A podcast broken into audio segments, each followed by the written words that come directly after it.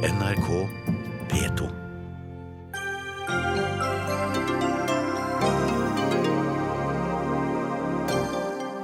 Jeg har aldri vært så redd i mitt liv, forteller nordmannen som opplevde jordskjelvet på øya Kos i Hellas.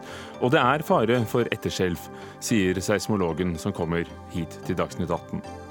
Hvordan skal politiet i Finnmark håndheve loven til sjøs uten en eneste båt? Seks år etter bildene av beredskapstroppen i en overfylt rød båt på vei til Utøya, mangler politiet fortsatt båter over hele landet. Oljeprisen faller. Det ser ut som om OPEC-landene ikke holder seg til løftene om å pumpe mindre av det sorte gullet. Kan vi stole på dem, og hva betyr det for norsk økonomi?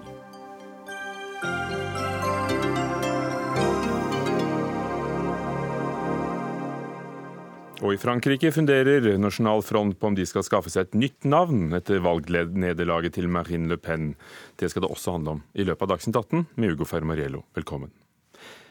To mennesker omkom, og nærmere 500 er skadet etter jordskjelvet i den tyrkiske byen Bodrum og den greske øya Kos. En nordmann er blant de skadede, opplyser UD. Skjelvet ble målt til en styrke på 6,7, og det førte også til store materielle skader. Sissel Wold, vår Tyrkia-korrespondent, du er nå kommet deg på plass i Bodrom, eh, en by hvor mange ferierer. Hvor stort er omfanget av, eh, av skadene? Ja, Foreløpig er det litt vanskelig å se, for vi, er, akkurat kommet inn i byen og er bare i utkanten av byen.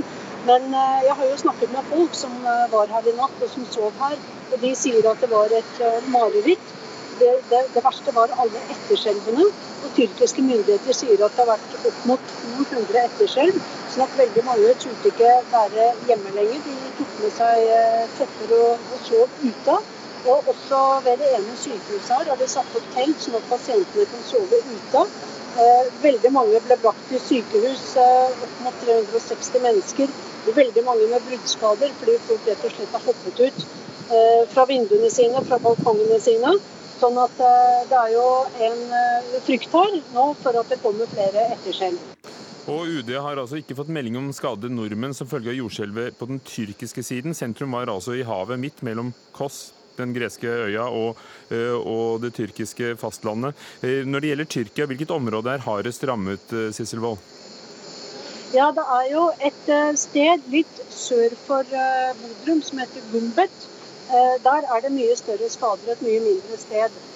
De fleste som ferierer her, er tyrkere nå, fordi at vestlige turister stort sett ikke reiser til Tyrkia lenger. De er redde for, for terror. Nå er det jo mange av hotelleierne her som er eh, bekymret selvfølgelig for at folk også skal være redde for jordskjelv. Men det er stort sett tyrkere og lokale som eh, er på ferie her nå. Og så en del russere, har jeg sett. Vi hører at, eh, at, det fortsatt er mye trafikk, og, men vi hører deg i, i midten av denne trafikken, Sisselvold. Kan du si litt om eh, dette området? Det, det, kommer ikke uventet på tyrkiske myndigheter at det kan skje et jordskjelv her? Nei, Tyrkia har jo vært rammet av jordskjelv mange ganger. Og det verste i nyere tid var jo 1999, som rammet Jablova litt lenger nord i Tyrkia. Da var det jo flere titusen som døde. Og det var jo voldsomt omfang. Og man fikk voldsom kritikk mot myndighetene fordi at mange bygninger var eh, bygget ulovlig, sånn at de falt sammen. Veldig mange ble drept inni bygningene. Dette er nok ikke tilfellet her nå. Takk skal du ha, Sissel. Der er du um, overdøvet av sirenene i, uh, på gaten i Bodrum. Sissel Wold, vår korrespondent. Audun Sørseth fra Averøya i Møre og Romsdal. Du er en av de mange turistene som har vært på ferie på Koss og opplevde nattens jordskjelv. Du befinner deg nå på flyplassen på vei hjem. Du sov da skjelvet kom. Hvordan opplevde du det? Nei, det var som et eh, stort mareritt, egentlig. For Jeg lå og sov, og så hadde jeg tatt til at jeg skulle sove godt. da. Og så ble jeg slengt i veggen og våkna til at uh, familie, familie grein og full, fullstendig kaos. For alle var redd for at eh, bygninga skulle rase sammen da, over oss. og Da hadde jo vi blitt ja, maltraktert. Hva gjorde du? Jeg sprang opp for å se på kompisen min var våken, men han lå og sov. Så jeg måtte vekke ham, og så måtte jeg få han på noe klær. Så sprang vi på gata, men det var jo enda mer kaos da enn det var på hotellet. Ja, hvordan tok folk situasjonen? Folk var veldig redde, for alle snakka om at det var tsunami. Så det sprang sikkert 100-200 folk forbi oss på gatene, og vi skjønte jo ingenting. Så vi visste ikke hva vi skulle gjøre eller hvor vi skulle gjemme oss. Det var rett og slett veldig skummelt. Ekkelt. Men, men hvorfor valgte du å gå tilbake til hotellet? Det virker som, en, som noe ganske risikabelt? Ja, for Kos er jo ganske flatt. så Hvis vi skulle ha sprunget til tsunami, så kunne vi ikke rukket å sprunge fra bølgene. Så vi tenkte på å komme oss i heiden. da. Så det var bare en avgjørelse vi måtte ta i enorm panikk. da. Hvordan blir det å komme hjem? Du, du venter på flyet nå? Oh, det blir fantastisk godt. Det setter litt perspektiv. Opplevelsen det var et helt jævlig Mm. Takk skal du ha, Audun Sørseth, for at du delte dine opplevelser fra Koss. Og så er det da bekreftet fra UD at det er en, en nordmann som er hardt skadet på øya på Koss, og så er det noen lettere skadet blant de 500 av nordmennene. Johannes Schweitzer, seismolog ved forskningsinstituttet NORSAI, som overvåker jordaktiviteten bl.a. her i Norge. Hvor kraftig var dette jordskjelvet? Dette jordskjelvet var på en magnitude av 6,7, som er sterk. Og eh, jeg har sett litt i statistikk historie av jordskjelvet i den området. Og eh, hva jeg kan si, er at eh, siden ca. 1900 hadde vi i den området av ca. 100 km, 150 km rundt Kås 28 jordskjelv av den størrelse. Så det er ikke vanlig, men det skjer. Men hvis dette senteret for skjelvet ikke hadde ligget under vann i havet, men, men, under en by, slik som det skjedde i Italia, hvordan hadde konsekvensene da vært? Da vil vel være selvfølgelig ødeleggelsen mye større. Og også skadeomfang vil være større. Men imellom er det også flaks. Hva gjør greske myndigheter, for du har vært i kontakt med, med greske kolleger?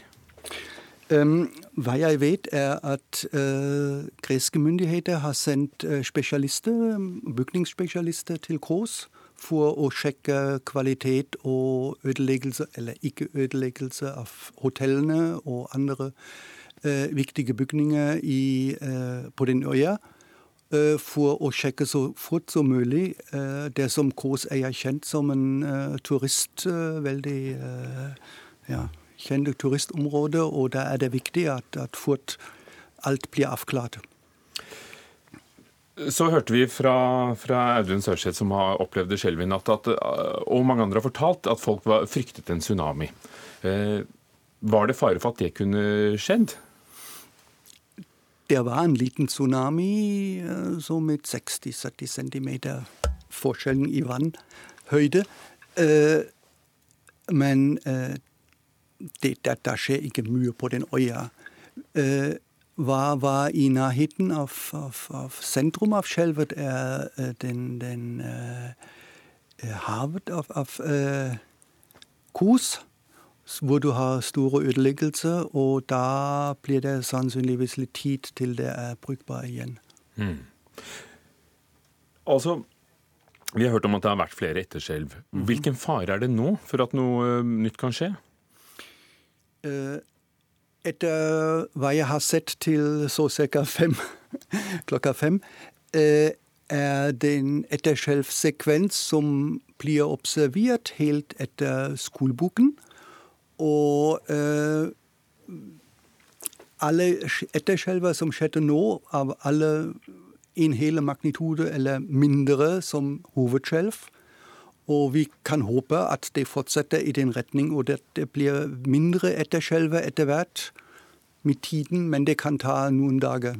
Så hvilke råd vil du da gi til, til turister og andre som, som er i området? Hvilke forholdsregler bør folk ta? Ja, unngå gamle bygninger hvor du allerede, allerede ser sprekker, og eh, kanskje også sjekke hvordan det ser ut i hotellet. Og hvis du har ikke en reist til Kås, kanskje prøve å ringe fra her til hotellet og høre om alt er OK der eller ikke. Hmm. Takk skal du ha, Johannes Schweitzer, seismolog ved NorSAR, for at du oppdaterer oss på hvordan eh, skjelvet har utviklet seg, og hvorfor, ikke minst. Dagsnytt 18 alle hverdager kl 18.00 på NRK P2 og NRK2.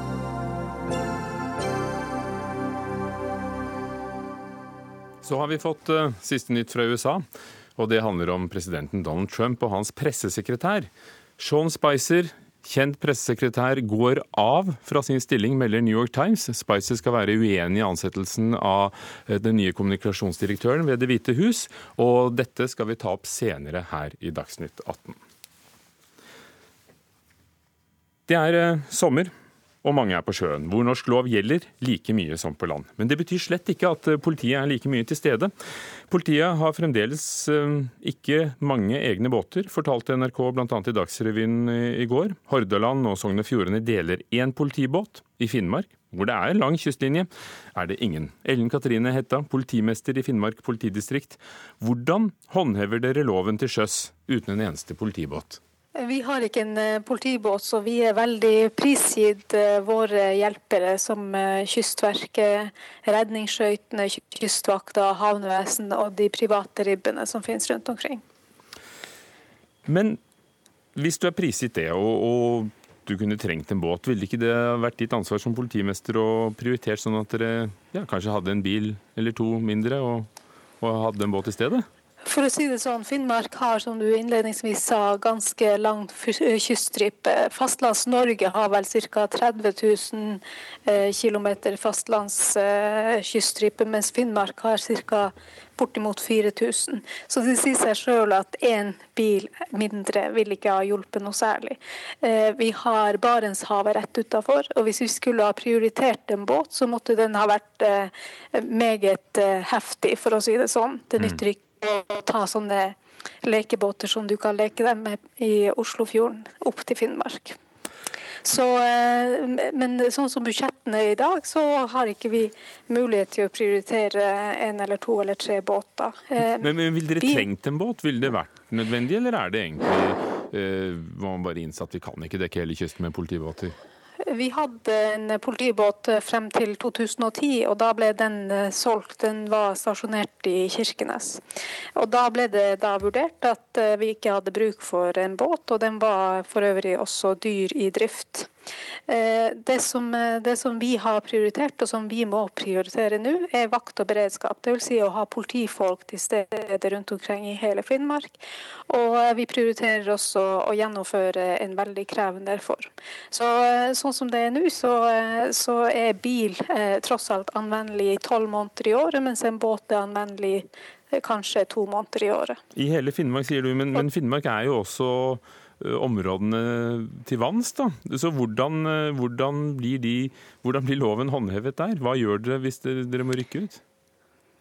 Vi har godt samarbeid med både Kystverket og Kystvakta. og De, de står oss bi når vi trenger eh, bistand. og gjør også redningsskøytene og havnevesenet, ikke minst. Så eh, vi er nødt til å ha godt samarbeid, og det er også en del av det her samvirkeprinsippet som eh, vi er veldig prisgitt i Finnmark, fordi vi har lite statlige ressurser å spille på. Selvfølgelig, etter 22.07 for seks år siden så ble det mye snakk om politiets beredskap til vanns. Mener du at staten, politikere, burde prioritert båter og bevilgninger til båter sterkere?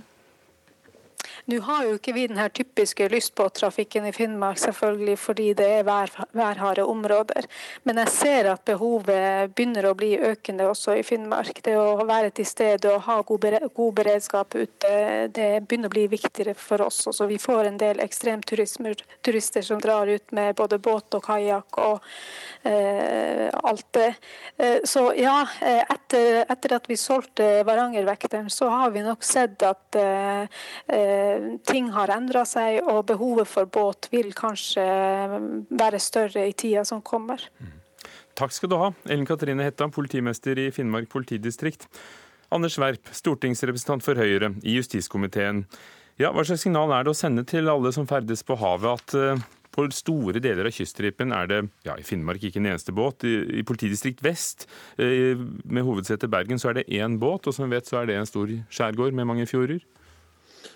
Vi skulle gjerne hatt flere politibåter, eh, og Høyre har jo lagt til rette i regjering for eh, det som er viktigst eh, for politiet, som politiet har vært veldig tydelig på, er det de trenger mer av, og det er styrket bemanning.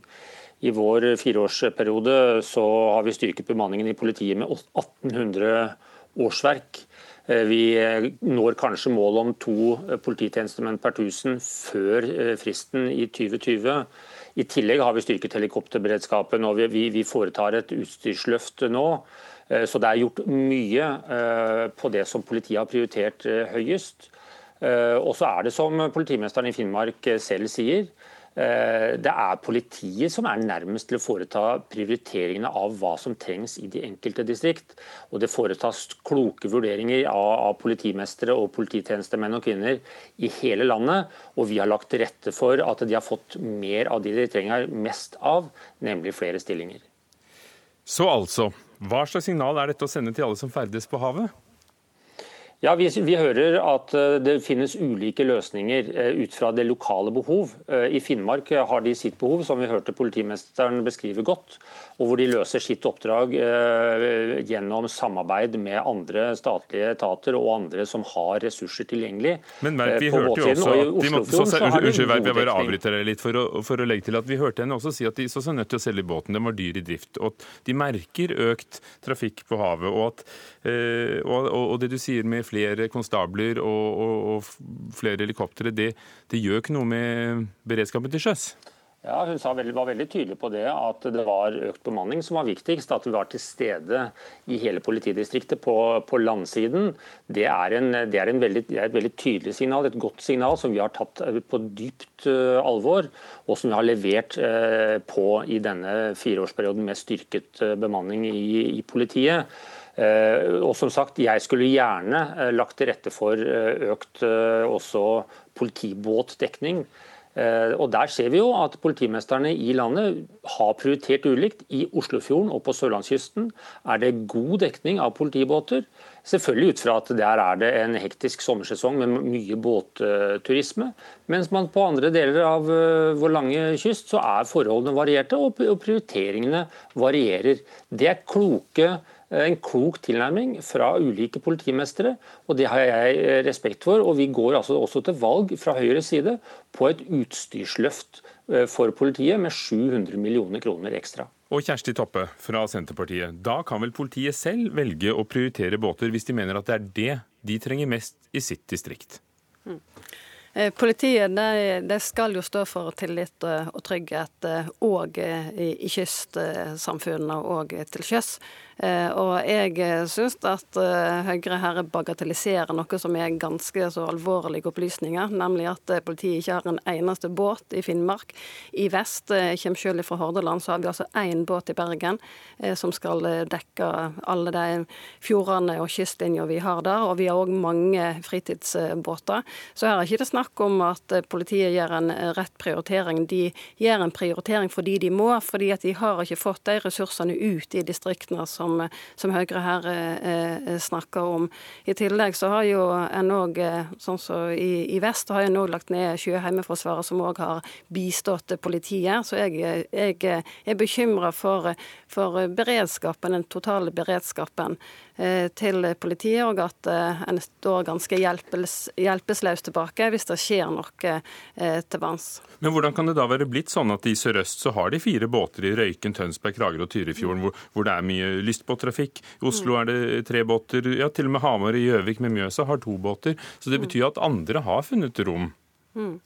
Jeg kjenner politidistrikt vest ganske godt, og har gjort ganske beinharde prioriteringer der pga av eh, økonomi.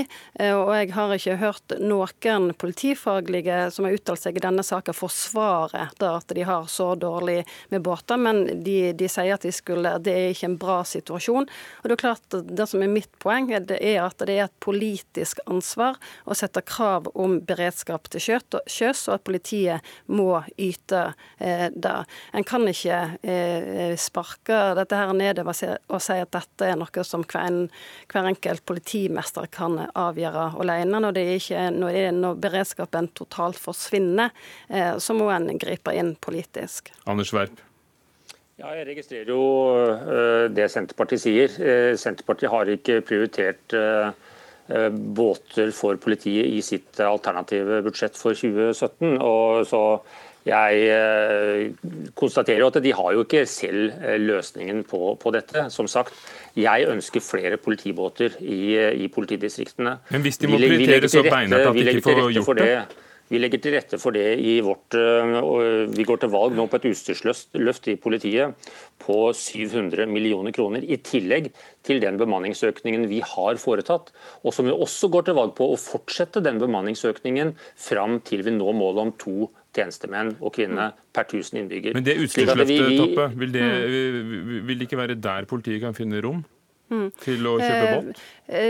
Det kan skje via et utstyrsløft, men først og fremst må det skje med at eh, en får penger ut til distriktene som gjør at de kan gjøre de eh, prioriteringene som de selv syns er rett, og ikke fordi at de er helt nødt til det. Det er jo usant at ikke, vi har, at ikke Senterpartiet har prioritert. Vi, har gitt? Eh, vi hadde en halv milliard mer til politiet i vårt alternative budsjett, og det var, og kunne òg selvsagt gått til å bemanne og til, til, til båtene.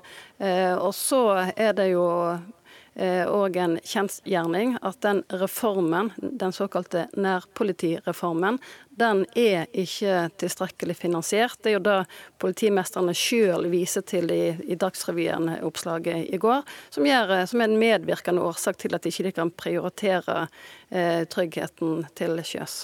Så her eh, snakker de om hva de kan prioritere fra. La oss ikke ta hele nærpolitireformen nå. Endre Solvang, generalsekretær i Kongelig Norsk Båtforbund, som organiserer altså båteiere fra sør til nord, og er den største foreningen for båteiere i Norge. Er sjøen et lovløst sted?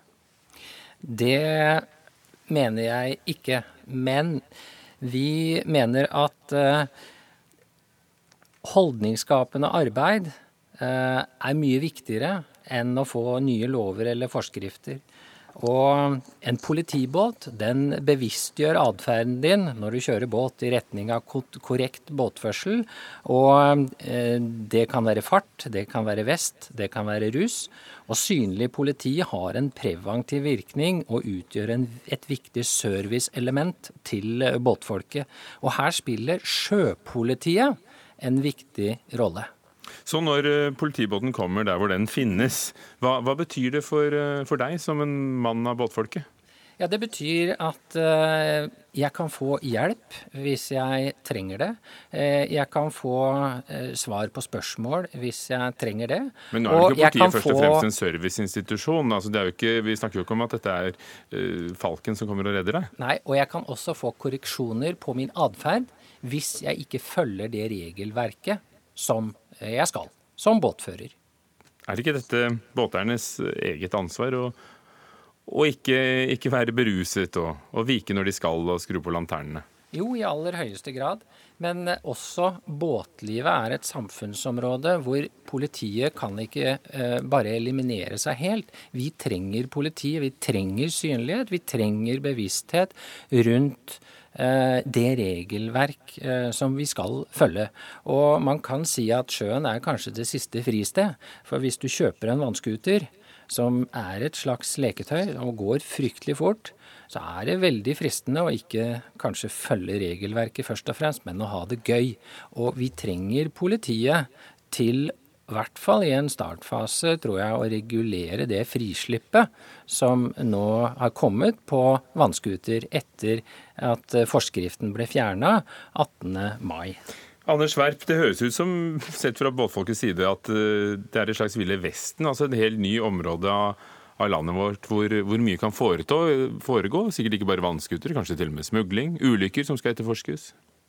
Og ja, da, og det er jo helt enig at Det er jo derfor også det er viktig med tilstedeværelse eh, fra politiet på sjøen.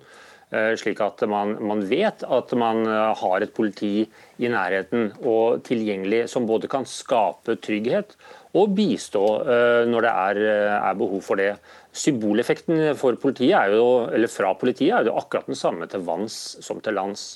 Så Det er derfor jeg sier at det er jo like ønskelig for oss i Høyre som for Eh, politiet selv, at vi, vi styrker eh, tilstedeværelsen eh, på, på sjøen. Men igjen, kyst, kysten i Norge er svært variert. Både når det gjelder befolkning, turisme og båttrafikk. Og Da er det ikke å skyve ansvaret nedover, men det er rett og slett å overlate ansvaret til de som sitter nærmest og kan vurdere behovet. Og Det er det lokale politi ved politimesteren som, som sitter på den oversikten, og som må prioritere sine, sine ressurser. Vi, vi, vi, vil nok aldri få et land som er 100% trygt, for da er vi ikke lenger et demokrati. Men vi må, vi må få et land og med en, vi, vi har verdens dyktigste og best utdanna politi Eh, menn og kvinner. Og de må vi sette i stand til i enda større grad å levere den tryggheten som de leverer i økende grad og Kjersti, eh, nå. Kjersti Toppe, ett blikk på norgeskartet, så skjønner vi at det å få en båt på hvert nes og i hver innsjø, det går jo ikke. Mm. Hvor skal Nei. grensen gå? Mm. Eh, nei, vi kan ikke ha en, en båt på hvert nes, men det er jo ikke det, er ikke det denne debatten handler om. Det handler om at vi har ikke en eneste båt i, i Finnmark. Det handler om at vi har én politibåt i politidistrikt vest. Eh, og så har vi noen flere, eh, flere på, på, Østlandet. Men, men, men, dette betyr jo at vi har ikke et fungerende politi i store deler av Distrikts-Norge, i store deler av kystlinja. Og, og, og det er et politisk ansvar å sørge for for. Så kan vi diskutere hvor eh, stor den beredskapen skal være, men den må jo være til stede. Og det er jo den ikke i dag eh, med det tilbudet som finnes i politiet. Takk skal dere ha. Kjersti Toppe fra Senterpartiet og Anders Werp fra Høyre. Siste ord går til Endre Solvang og Kongelig Norsk eh, Båtforbund. Ja, hvilke forhåpninger gjør du deg etter å ha lyttet til den politiske debatten? Jo, jeg har jo også spilt inn en ball som går på at vi bør få et UP til sjøs altså et utrykningspoliti. Og det betyr at eh, vi f.eks. kan jobbe litt mer bevisst med at altfor mange dør på sjøen.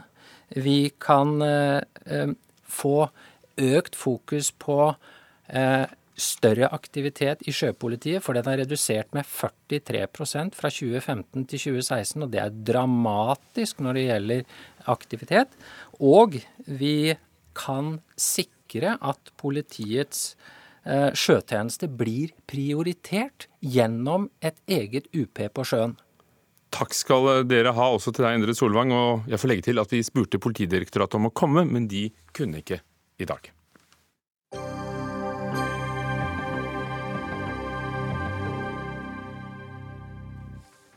Som vi nevnte tidligere her i Dagsnytt 18, så ønsker ikke Sean Spicer lenger å være talsmann for Det hvite hus i USA.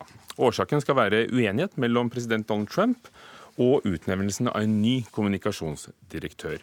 Roger Severin Bruland, utenriksmedarbeider eh, her i NRK. Var det overraskende? Det har jo vært snakka om at eh, Sean Spicer skulle ha gått av siden han, eh, han begynte i jobben. Men nå ser det ut som han har gjort alvor av å trekke seg. Så hvor overraskende er vanskelig å si. Det er jo anonyme kilder her som amerikanske medier har fått tak i, så vi eh, har jo ikke fått det offisielt bekreftet bekrefta ennå. Men eh, det tyder jo på at det er gode kilder siden de største avisene nå melder det. Og I tillegg så har vi også fått eh, litt eh, rykte om eh, grunnen til det. da, og Det var at eh, Trump har utnevnt en ny eh, eh, kommunikasjonsdirektør, som da heter Anthony Scaramucci. Som er da en sånn Fox News-bidragsyter og en finansmann på Wall Street. Og at Spicer skulle ha vært misfornøyd med det valget. Han har vel også tidligere antydet at han skulle kunne komme til å trekke seg? Det har jo vært mange rykter, og han har jo vært i hardt vær mange ganger. Han forsvant jo på en marineøving. Han er jo i reservestyrken i, i den amerikanske marinen, og det var spekulert i om han var sykemeldt. og det, Han har jo blitt veldig kritisert, og han har jo gjort en del tabber som da han kritiserte Assad ved å si at selv Hitler hadde aldri Eh, gassa noen. Og det måtte jo han eh, umiddelbart eh, beklage. Og flere slike hendinger har jo sikkert gjort han pressa. Men det var ikke Og Han har jo blitt latterliggjort bl.a. i dette Saturday Night Live-TV-programmet. Det er jo et giftig miljø borti USA. Veldig tøff kritikk mot Trump. Og Spicer har jo stått i front og skulle ha forsvart Trump. En veldig vanskelig oppgave, så det har nok vært stressende for han.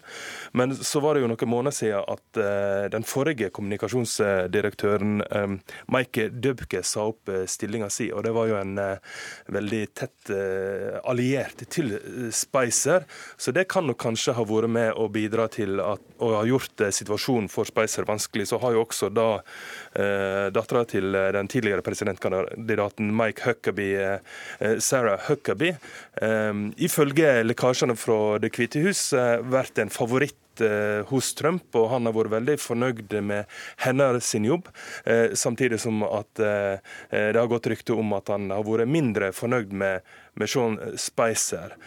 Så, sånn sett så Eh, jeg gikk jo bare gjennom litt eh, materiale fra byrået som vi har fått. Jeg så For en måned siden så kom det jo en sånn der eh, samlesak på Spicer, for en venta at han ville trekke seg. Så det er jo litt vanskelig å vite når disse tingene her vil skje.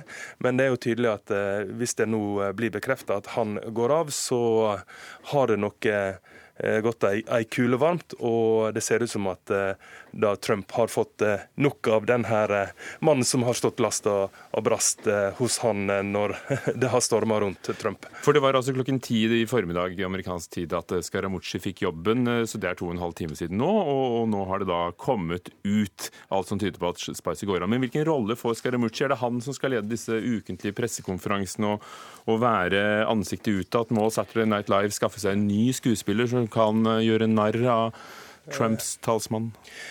Sånn som jeg forstår det, så har jo den der stillinga til Mike Dubke stått eh, tom. Og han har jo eh, vært en person, anonym person. Men nå forsvinner jo Sean Spicer, så da mangler en jo en, en, frontfigur. Så vi vil nok anta at han kanskje vil ha en framtredende rolle, sånn som Sean Spicer, og stå i stormen sammen med Sarah Huckabee. Så vi vil vel anta at han da vil bli en ny våpendrager da, for Trump. og det gjenstår å se hvordan det, det vil gå. Det er iallfall en veldig krevende jobb. Takk skal du ha, Roger Severin eh, Bruland, om eh, Trumps talerør Sean Spicer som går av. Dagsnytt 18 alle hverdager klokka 18. På NRK P2 og NRK2.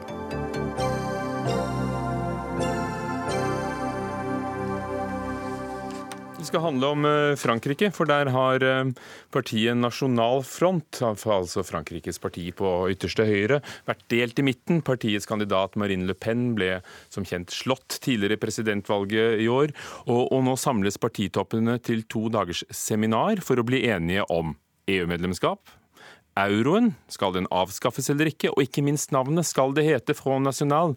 Dette belastet navnet som får folk til å tenke på gamle Le Pen, faren til Marine Le Pen. Raino Malnes, professor i statsvitenskap ved Universitetet i Oslo og Frankrike-ekspert. Det det var jo oppsiktsvekkende da de kom til andre runde i presidentvalget. Og Hvordan er stemningen i Nasjonal Front om dagen nå, etter at de ikke klarte det?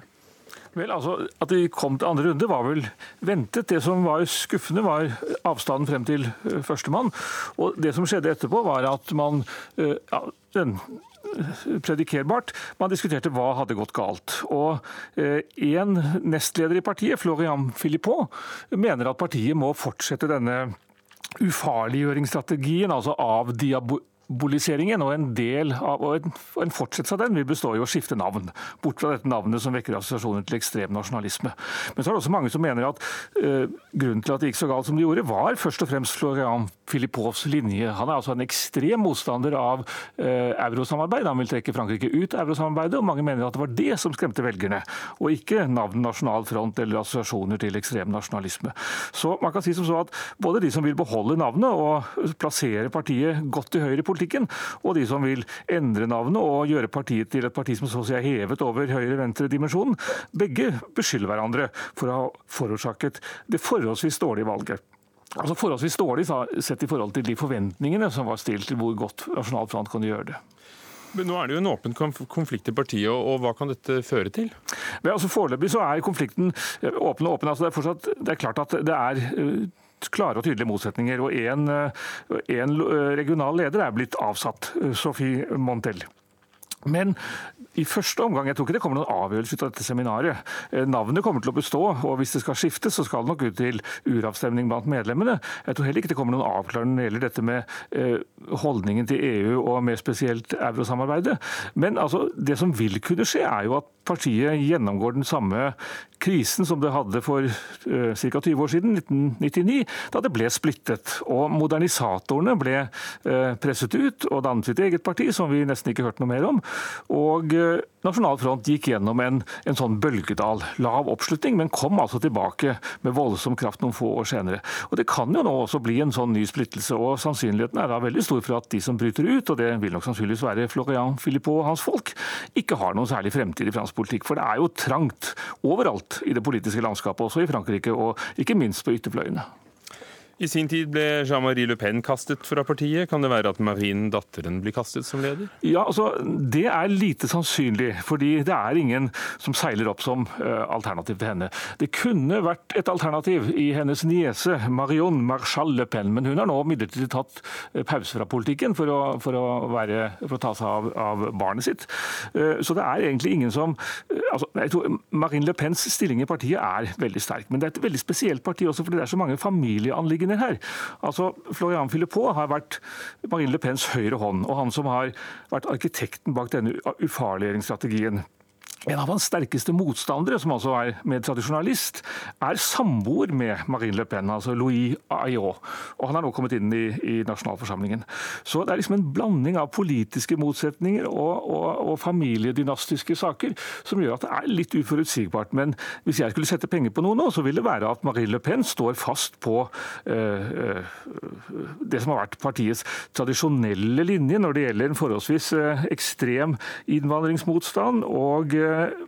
kanskje plasserer det noe tydeligere på høyresiden i politikken, og ikke forsøker å gjøre det slik Florian Philippot har ønsket det, til et parti som først og fremst liksom forsvarer fransk suverenitet, og som kan fange velgere både til høyre og til venstre i det politiske spekteret. Fordi suverenitetstilhengere, altså EU-motstandere, det finnes jo på begge fløyene, ytterfløyene i Frankrike, som i veldig mange andre land. Rainer Malnes, du nevnte at det var lang avstand mellom Macron som vant presidentvalget og Le Pen i andre runde, men eh, det er jo mange kommuner kommuner hvor eh, Nasjonal Front har et godt grep eh, om, eh, om ja. makten. Så Hvor store er de? Hvor sterke er de i Frankrike? Altså, sterke i den forstand at partiet har jo ved flere valg fått størst oppslutning. Eh, altså, det fikk de ved Europa, forrige valget til Europaparlamentet, og det fikk de også ved de regionalpolitiske valgene. Men så er det det i Frankrike som har en valgordning som, gjør, valgordning som gjør at det er ikke uten videre enkelt å omsette et nasjonalt flertall til flertall i de enkelte valgkretser. Og det har Nasjonal Front i liten grad greid. og fordi de ikke har greid å mobilisere noen velgerreserve. Altså De får stor oppslutning i første omgang, og så får de litt større, men ikke særlig mye større i andre oppslutning i andre omgang. De har noen kjernevelgere som står last og brast med partiet, men de skremmer andre velgere bort. Det er svært få hittil som har Nasjonal Front som sin andre preferanse. Nå var det altså noen som hadde det ved presidentvalget. fordi Hun fikk jo 10% omtrent flere stemmer i andre enn i første omgang. Men det var mindre, en mindre reserve enn det mange partier hadde håpet på, og det meningsmålingene tyder på. Og da er Altså tanken din at det må være noe som skremmer velgerne bort, og det kan være den assosiasjonen til ekstrem nasjonalisme som navnet bærer med seg, eller det kan være dette at deler av partiet altså så eh, intenst agiterer for utmeldelse av eurosamarbeidet. Som fryktelig mange franske velgere, især eldre mennesker med penger i banken, eh, er livredde for. For det kan føre til økonomisk eh, ustabilitet som man ikke aner hva, hva det kommer ut av. Så det er klart at en måte, altså Det som er litt spesielt, er at de som vil modernisere partiet, f.eks. Philippot, da også er de sterkeste talspersonene for denne EU-motstanden, som man regner som en viktig årsak til at partiet ikke får flere stemmer enn de allerede får, blant særlig eldre velgere, som er den gruppen partiet har størst problemer med vinne innpass i. Takk skal du ha, Rein og Malnes. Så får vi se om kanskje noen fortsatt har noen frang liggende under madrassen de kan plukke frem hvis de lykkes noensinne i å trekke Frankrike ut av eurosamarbeidet. Rain og Malnes, professor i statsvitenskap ved Universitetet i Oslo.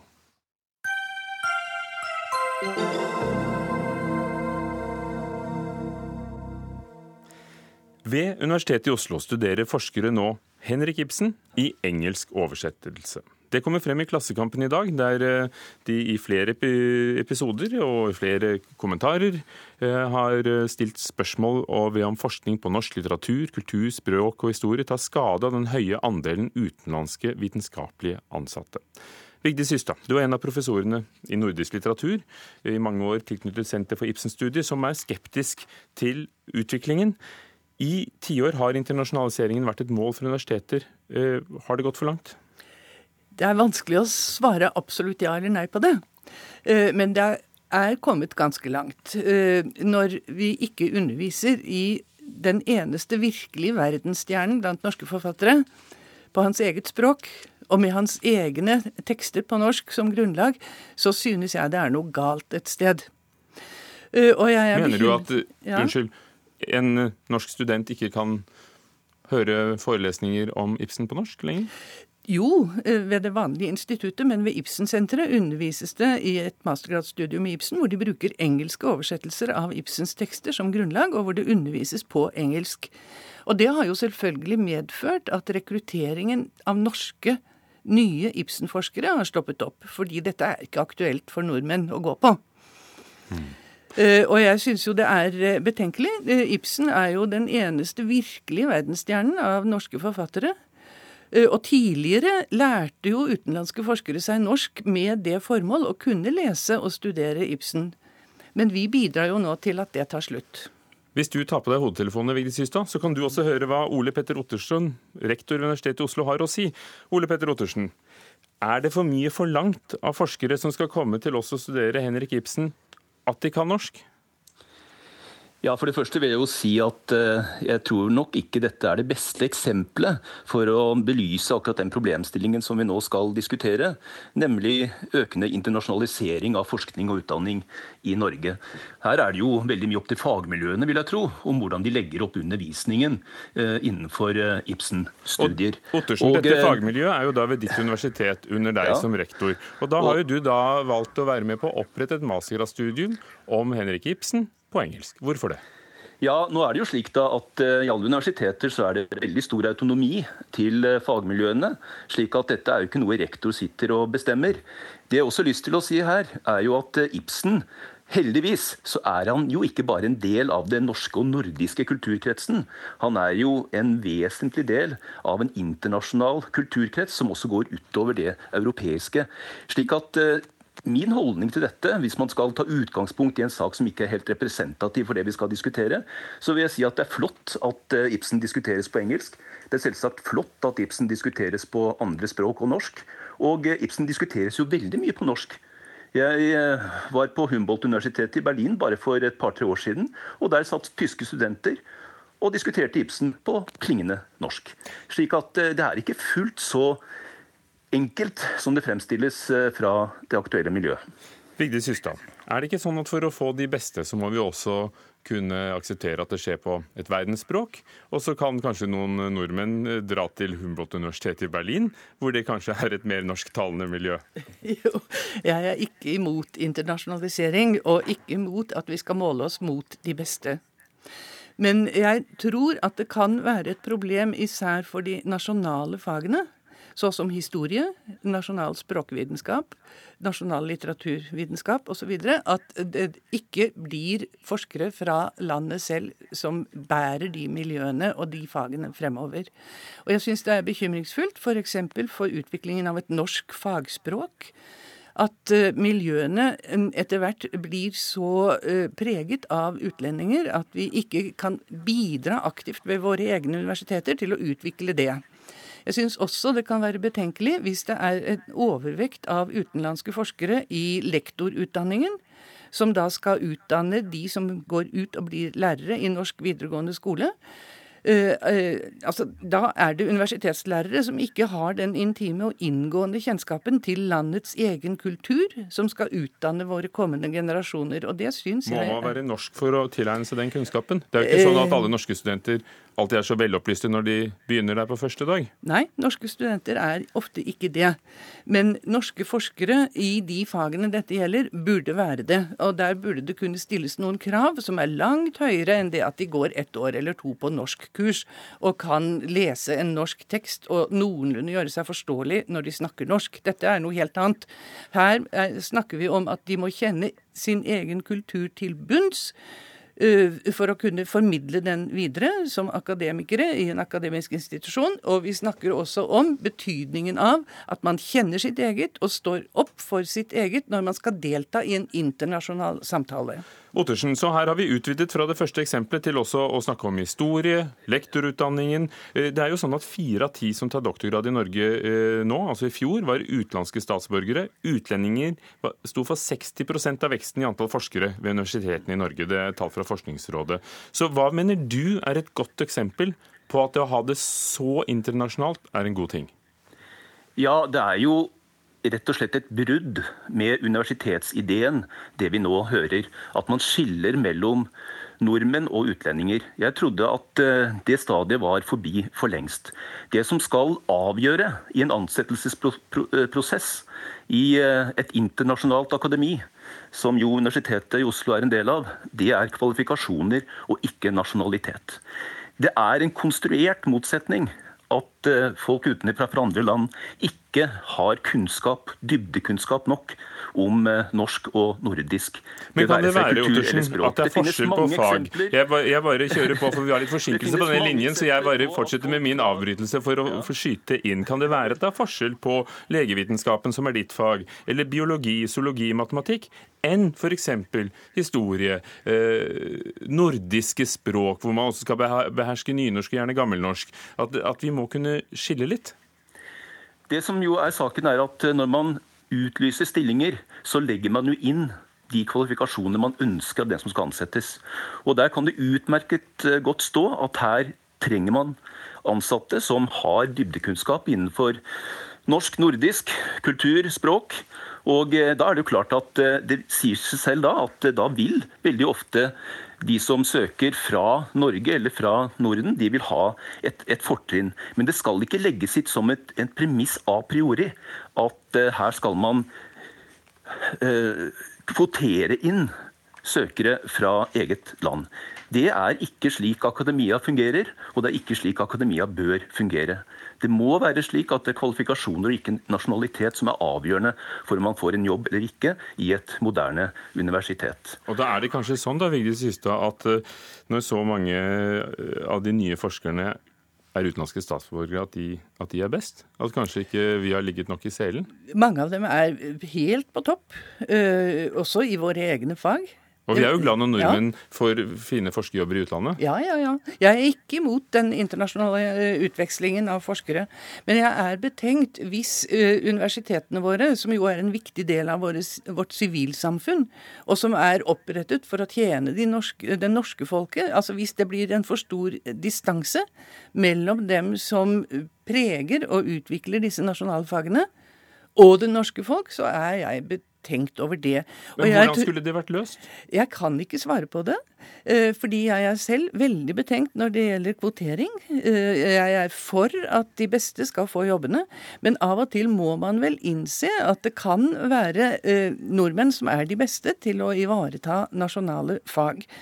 Det er jo sånn at vi skal delta på et, med vår røst i et internasjonalt kor eller et internasjonalt fellesskap. Og, finnes det en sånn ting som vår røst lenger? Ja, de, de, fleste har kommet fra et sted og til et sted? Ja, det kan du si. Men uh, Universitetet i Oslo har jo, uh, må jeg jo si, skjemt seg ut på en måte. Fordi de har jo bidratt til å nedlegge et av de områdene ved vårt universitet i Oslo hvor vi virkelig uh, var verdensledende og hadde mulighet til å være det, nemlig norsk språkvitenskap og de norske språksamlingene og norsk leksikografi.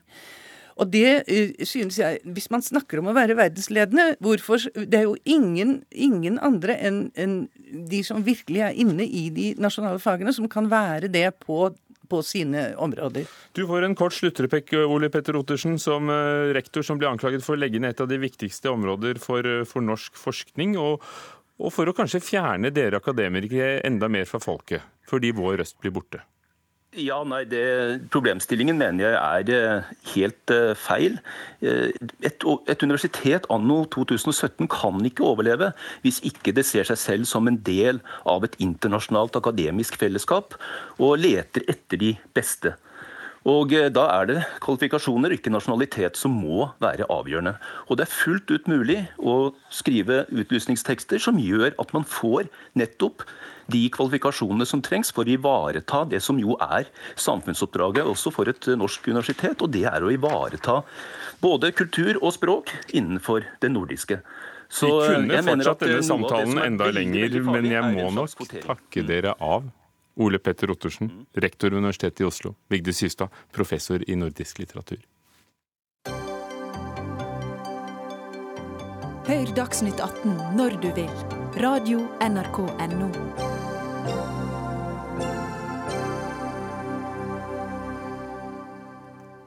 Oljeprisen falt i ettermiddag.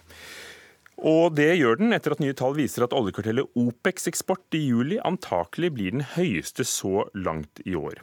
I november i fjor ble disse landene, Saudi-Arabia, Iran, Irak og Kuwait, blant de mest kjente OPEC-landene, enige om å kutte i produksjonen for å pris, presse prisen opp på olje, men nå er den altså nede på 48,16 dollar fatet. Det er ned med 2,21% Tina Saltvedt, oljeanalytiker i Nordea Markets. Den enigheten eh, om å kutte i produksjonen, hvordan gikk det med den? Ja, Enigheten var der, men gjennomføringsevnen den har det derimot skortet på.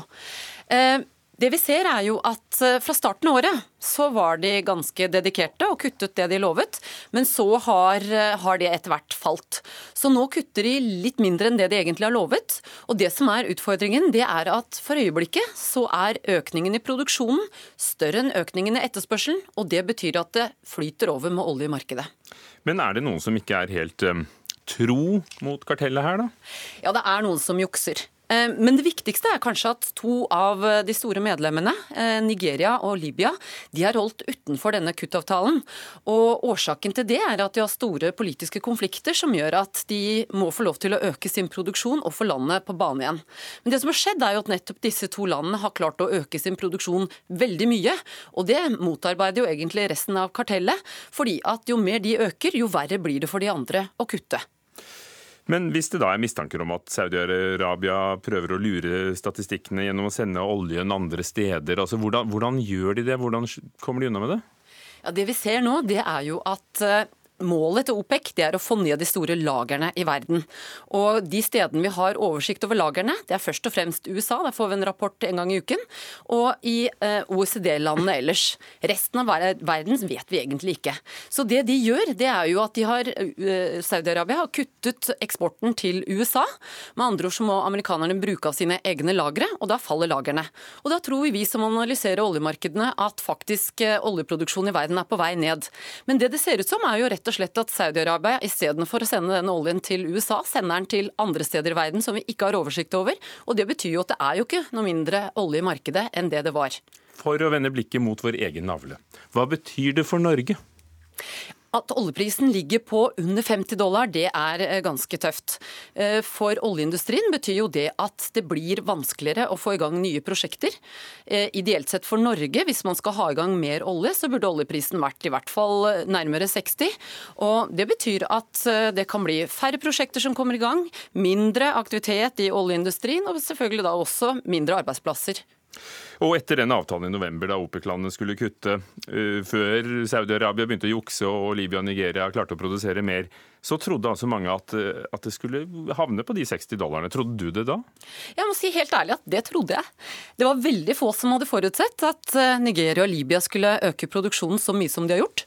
Og så har også amerikanerne de har klart å øke produksjonen veldig, veldig mye langt raskere og i større volumer enn det noen hadde forestilt seg. Så det her er en veldig vanskelig oppgave å få dette markedet i balanse. Kanskje klarer de det ikke. Og Hva tror du nå, da?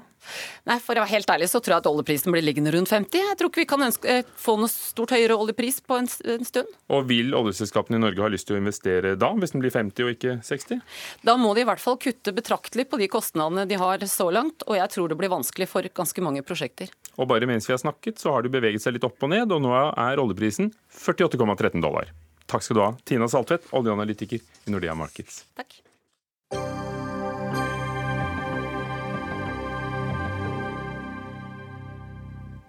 Kollektivselskapet Ruter på østlandsområdet har anmeldt en 19-åring etter at han laget en app til mobiltelefon som gjør det mulig å dele digitale billetter han tok seg visstnok også betalt for dette. Det er Aftenposten som har skrevet om dette.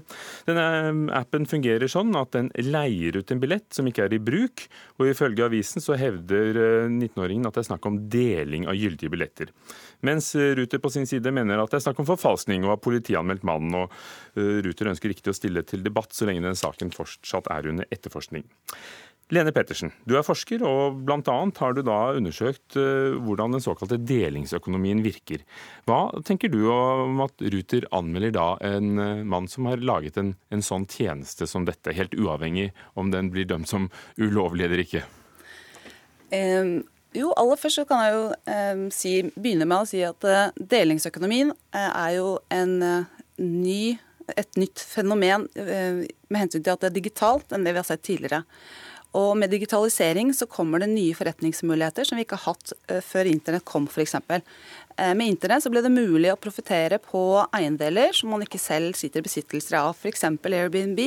Eh, med digitalisering så ble det mulig for selskaper som Airbnb å opprette en, lage en plattform hvor vi forbrukerne kunne selv bidra med våre goder osv og, som andre kan dra nytte av.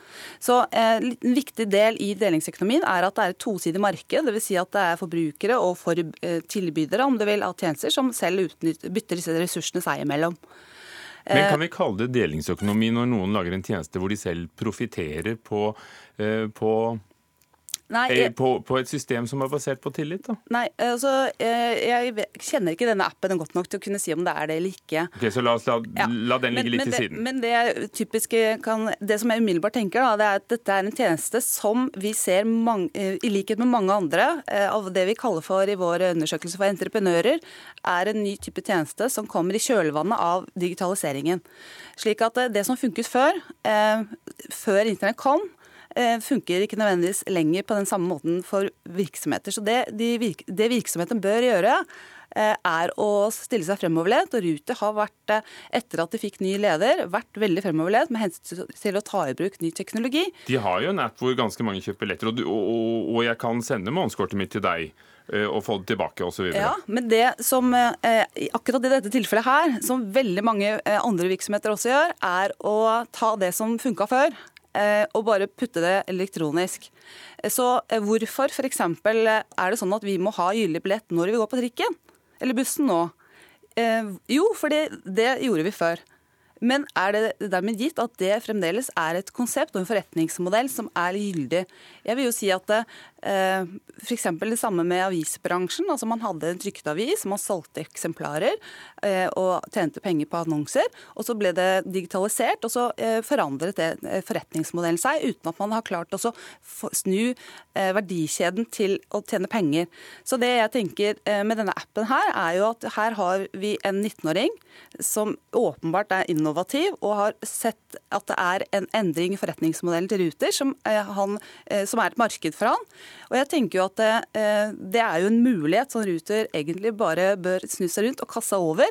Fordi her har vi en fyr som har sett en mulighet som kanskje ikke Ruter har tenkt på selv, eh, som, eh, som etter mitt syn putter fingeren på et, et lite, en liten brist i forretningsmodell til Ruter, nemlig at det ikke lenger er sånn at det er nødvendigvis er gitt at man behøver å kjøpe billett før man går på trikken, men heller får regninger etterpå. Så det betyr at hvis en forretning opplever at noen kommer og, og finner på helt nye ting digitalt på jente- eller gutterommet, så, så hva med å bare få dem inn i folden? Ansette dem? Ja, det var jo akkurat det Steve Jobs gjorde med DVD-Jon.